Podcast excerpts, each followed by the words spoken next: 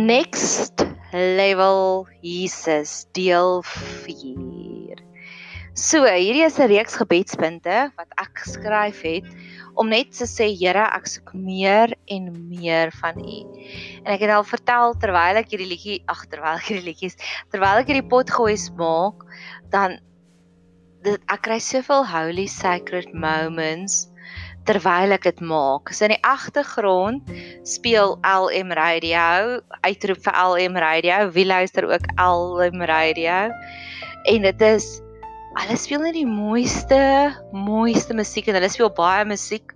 So ek luister hom mee in die agtergrond, net ek kan dit hoor, daarom nie die luisteraars nie. Maar nou net voordat ek hierdie een begin maak, speel die liedjie van Whitney Houston Greatest Love of All. En ek seker van al hierdie die hele liedjie se lirieke is mooi, maar hierdie eerste gedeelte is my so mooi.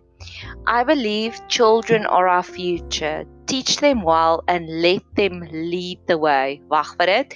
Show them all the beauty they possess inside. Give them a sense of pride to make it easier. Let the children's laughter remind us how it used to be. Is dit nie net so mooi nie? Al die liriek ek lees nou vinnig verder. Everybody's searching for a hero, nê? Nee? En dit is presies the greatest love of all. The greatest love of all is easy to achieve. Learning to love yourself is the greatest love of all. Is dit nie net so mooi nie? Jo.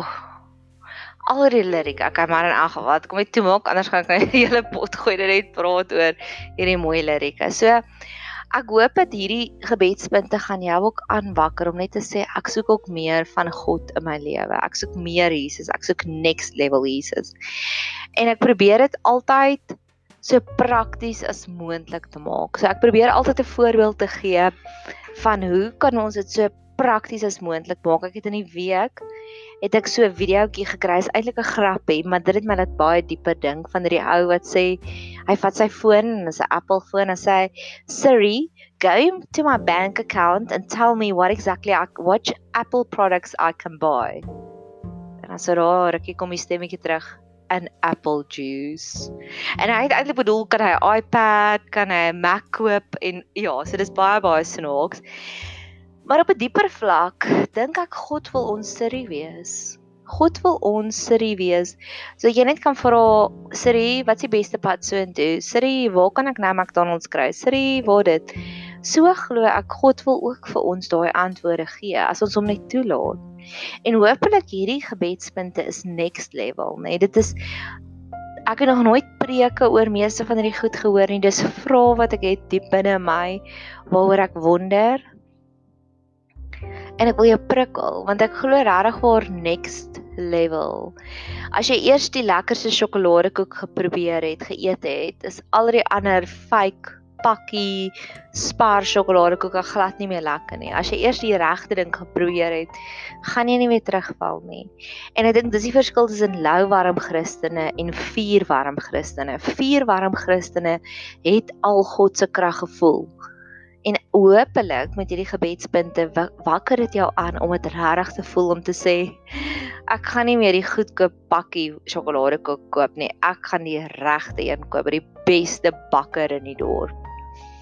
En die volgende verhaal wat ook net om jou te inspireer is. Ek kan onthou as 'n klein dogtertjie het ons gaan window shopping doen.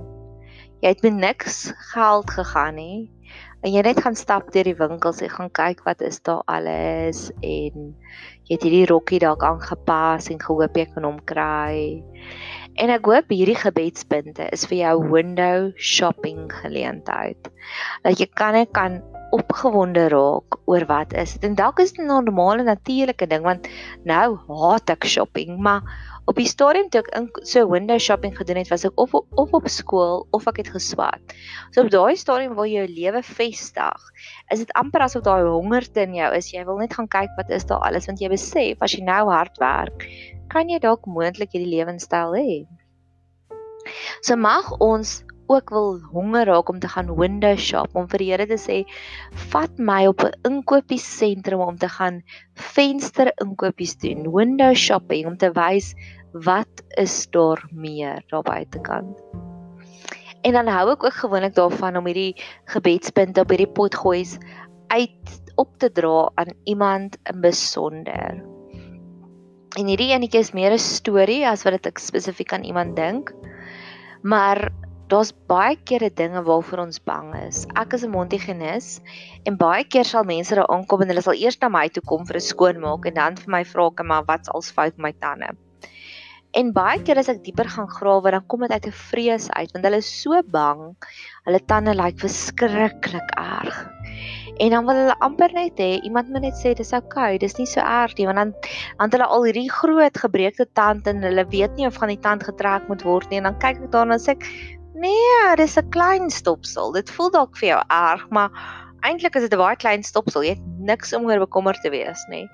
En ek het nog nooit iets gekry in my lewe met die tande wat ek gedink het, "Ooh, wat gaan ons hier maak nie." Ons is al so lank in die bedryf. Ons weet presies, okay, is of 'n stopsel of is 'n wortelkanaal of is 'n kroon, maar dis 'n week en alles is uitgesort in jou mond. Daar's bitter min gevalle waar dit bietjie langer as 'n week gaan, maar oor die algemeen binne 'n week is dit reg.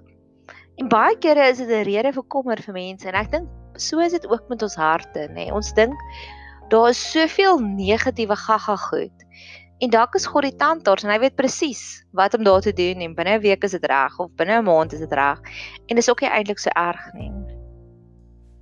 So baie kere loop ons met iets en dit is eintlik so 'n groot bron van vrees, maar daar's ek het eendag gehoor daar's geen medisyne in die hemel Nee, daar's geen eina op aarde wat 'n medisyne van hemel nie kan genees nie.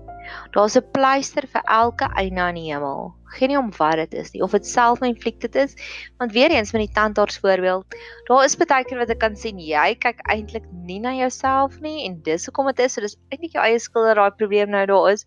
En ander kere wat dit regtig onskuldig is, dat jy regtig net op iets te hard gekou het en dan het jou tand gebreek. Maar hoe dit ook al sê, wat ek gewoonlik vir my pasiënte sê is jy's vandag hier en dis al wat saak maak en van van vandag af gaan dit net beter raak. Ek gaan jou tande skoon maak, alles in een proses en van hier af gaan dit net vir jou makliker wees om jou tande te versorg. En wat ek ook baie keer vir my pasiënte sê is, hoe het jy geweet? Niemand het nog ooit vir jou gewys dis hoekom jy moet verlos nie. So dis oukei, okay, ek het nie tot en met nou geflos het nie. Dis hoekom ek hier is. En ek glo God is soveel meer as dit. En elke keer wanneer ons 'n probleem vir hom gaan lê, kan hy ons help. Maar net soos wat die pasiënte besluit om maak om na my toe te kom, so het ons ook daai verantwoordelikheid om dit vir die Here te gee. so dis 'n bietjie van 'n preek, maar nou vir die lekkerde gedeelte, die gedeelte waar ons gaan window shopping doen van wat kan God alles vir ons doen. Jou opgetel, jou gaan tel, jou opgelet van hoeveel kere die hemelruim geveg saam met God se volk. Dink aan die eerste keer is die 10 plaae van Egipte. Daar het haal geval vanuit die hemel om die Israeliete te bevryding te bring. Ek dink aan Deborah se plek. En Deborah het sy ook gesê die sterre uit die hemel ry met vir ons geveg. Met ander woorde, ek glo daar was 'n meteorietstorting wat daar was. Op 'n stadium toe Joshua geveg het teen iemand en ek weet nie hy teen wie nie. Toe het hy ook vir die son gesê son gaan staan stil want ons wil eers hier klaar veg. En ek dink aan die die lofsang van Hesekaja. Hesekaja was 'n koning en hy het vir die Here gebid asseblief asseblief asseblief genees my. En op 'n stadium het God gesê jy kan enige enige bevestiging kies. En toe kies hy dat die son moet agteruit gaan, dat tyd moet agteruit gaan. Nou as dit 4 kere is waaraan ek kan dink in die Bybel waar die hemelruim geveg het saam met God se volk en al hierdie is Ou Testamenties. Wat kan gebeur in die Nuwe Testament? Wat kan gebeur nou? Wat mis ons? Ek glo dat die hele skepping God het dit gemaak om aan ons onderworpe te wees. Ons moet heers. En ek glo net so kan die hemelruim ook vir ons veg. Wat my ook laat dink is die droogte tans net 'n puntjie. Daar's baie ernstige droogtes en veral in die Karoo. Ek het oor die in die week het ek hierdie mees hartsroerende gebed uitroep gelees van so 'n gevolgde gebedsversoek. En ja, ek dink net dis omdat ons tans so ver weg lewe van God af dat dalk is dit die rede hoekom daar droogtes is. Ek kan dink in die Nuwe Testament, God het die sterre gestuur om Jesus se se um geboorte aan te kondig. Die hele hemelruim het pikgie donker geword die oomblik toe Jesus gesterf het. En dis die window shopping, né? Nee? Tot en met nou jy net in Pep geshop en vir die eerste keer vat ek jou in 'n Gucci winkel in en jy sê wow of in 'n poetry winkel in en jy oh, wow ek het nie geweet daar's sulke mooi rokkies nie. En dis so ek dit sien, dis so ek hierdie gebeure sien is om te sê ek glo ons as Christene wat Paulus van skryf wat meer as oorwinnaars is, het daardie autoriteit om selfs vir die hemelruim opdragte te gee en hulle sal dit uitvoer.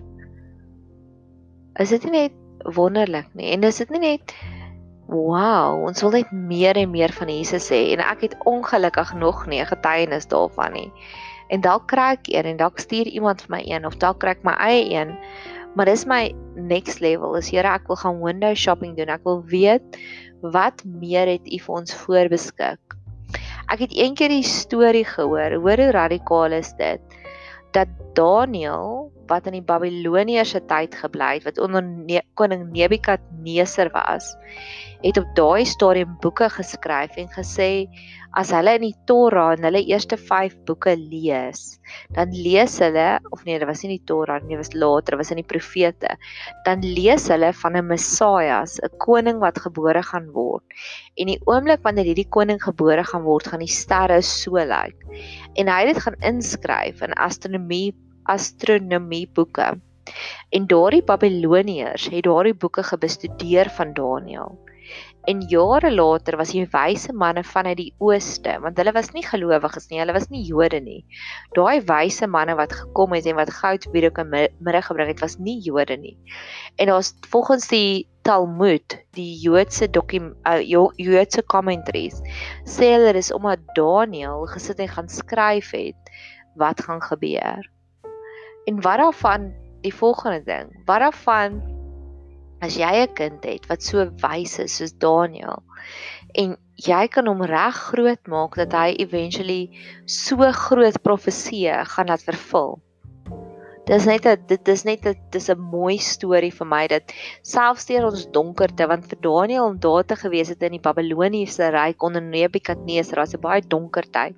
Maar selfs deur die donkerste storms in ons lewe gaan daar ook altyd iets positief uitkom. En dalk sien ons dit nie nou nie. Daniël het dit nie gesien in sy lewenstyd nie. Maar ek seker van Daniël het dit gesien vanuit die hemelruim uit van die hemel af. So mag ons net meer en meer leer om te sê ek wil meer gaan window shopping doen. Ek wil meer weet wat se krag en autoriteit het ek in Christus. Die volgende verhaaltjie wat ek ook wil vertel is daar sekere opflikkerings wat ek al begin sien het van mense wat werklik waar hulle preek nie meer nie. Hulle vertel En dis waarna ek meer en meer op soek is. Mense wat deur hulle eie struggles so intens vir God gaan soek het om te sê maar dis wat ek gekry het. En ek het in die vorige pot gooi het ek baie gepraat oor Moses en hoe Moses die mense wat anders dink het. Maar Moses het ook vir hulle 'n spesifieke resepie gegee om te sê bring al julle offerhande na die tabernakel toe. Hier is die tabernakel. Hy het fisiese stappies gekry. En baie kere sal ek na 'n preek luister aanlyn of in die kerk en dan dink ek vir myself daar's niks wat ek huis toe kan vat nie. Ek voel so 'n sondaar, ek voel hopeloos, maar daar's niks wat ek kan huis toe vat en kan gaan implementeer in my lewe nie. Maar in dieselfde asem is daar sekere mense wat begin wakker word het wil ek amper sê wat hierdie wat soos Moses gesê het goed julle is sondag hier is die 10 gebooie as jy dit misgetrap het dis wat jy doen. Hulle gee so 'n hele battle plan vir jou. Ek dink spesifiek aan eat pray love. Ek het dit nou weer oor die naweek gelees en hoe sy spesifieke dinge gedoen het vir haarself. En dit laat my weer eens dink aan wat Paulus gesê het van vlees en bloed het dit nie vir my geleer nie maar die gees het dit vir my geleer. En ek glo dat God het vir ons hierdie oomblikke van waarheid geplant in ons eie gees want om te sê dis wat vir jou gaan werk. So mag ons meer en meer leer hoe om in te tap in daardie wysheid in. Om te gaan sit, daar's hierdie verhaal wat wat Elizabeth Gilbert vertel van haar lewe was by 'n groot kruispunt. En dit sy vir 'n week lank stoksiel alleen na een of ander eiland toe gegaan in Indonesië. En sy het met niemand daar gepraat nie en sy het elke dag net gaan sit en gaan sit op die strand en gemediteer vir ure en ure en ure aan een. En sy vertel die hoogtepunt was aan die einde toe sy gesê het nou al haar skaamtes moet uitkom en ek's lief vir jou en ek vergewe jou. En sy het 'n hele reinigingsprosedure gehad. En my ander vriendin maak seep, die lekkerste boere seep. En sy sê vir my elke keer van as sy seep maak, is dit vir haar soos 'n reinigingsprosedure waardeur sy gaan. Myne is met hierdie pot gooi, want daar's baie keer dinge wat warrel in my kop en dan begin ek daar te praat en dan sê ek, "Ag, oh, ek het selfs nie dit geprep nie, dit kom net." Of om te journal. Maar mag ons meer en meer dieper ingaan en ons eie unieke resepte wat God vir ons gegee het net vir ons dit begin daarvan groei. Ek dink aan Robel. As jy nog effe Robel ken nie, Robel sal ook se vertel net van dis wat in sy week gebeur het en dis wat hy geleer het. Ek was oor die naweek was ek by 'n kuier En iemand het die storie vertel hoe was sy by kombuistee. En by die kombuistee het die persoon ge, het die ouma gepraat en die ouma het sulke wysheid uitgedeel om te sê dis hoe jy 'n perfekte huwelik bou. En toe sê die ouma aan die einde Dis was so ironies dat selfs in vandag se tyd waar daar die meeste boeke vrylik beskikbaar is om van hoe om 'n perfekte huwelik te reël te hou. En in, in juis in vandag se tyd van hoe is daar op internet YouTube video's en alles is die egskeidings ratio so hoog as wat dit nog ooit was. Ek het gedog is 50%, maar blykbaar volgens die tannie is dit 70%. En ek het nou-nou ook gehoor, dit was blykbaar gister World Mental Health Day. En jy sê die persoon ook dat dit die hoogste um selfmoordpogings en selfmoorde ooit as nou tans. En die ou tannie by die kombuistee het gesê sy glo dis omdat mense het begin comfortably numb raak vir hulle eie intuïsie. Hulle luister nie meer na die wysheid wat binnekant hulle is nie. En dis waarvoor ek nou bid is om te sê Here leer ons hoe om met praktiese stappies in te tap in hierdie praktiese wysheid wat U vir ons ingesit het. En ek dink daaraan soos 'n resep. Ek soek 'n resep om te sê doen dit A B C en D. En dan sal ons dan sien jy by die regte resultate uitkom of soos vandag wat jy apps skryf vir alles, applications op jou foon. Daar's selfs nou 'n app van hoe om te oefen want dit is mos nou somer, so ons almal wil nou 'n bietjie oefen, 'n bietjie gewig verloor. En selfs met dit, laat laat die Here net vir ons meer en meer leer van sulke konsepte. Of soos wat dit is om ja, soos om te oefen, dis ook 'n spier wat jy oefen, jy weet dit raak al hoe makliker later aan. So mag God net vir ons al hoe meer en meer sulke praktiese maniere leer van hoe om ek weet dit klink baie klisjé, maar ek wil dit nou sê, die beste weergawe van onsself te wees. Mag jy 'n super geseënde dag hê.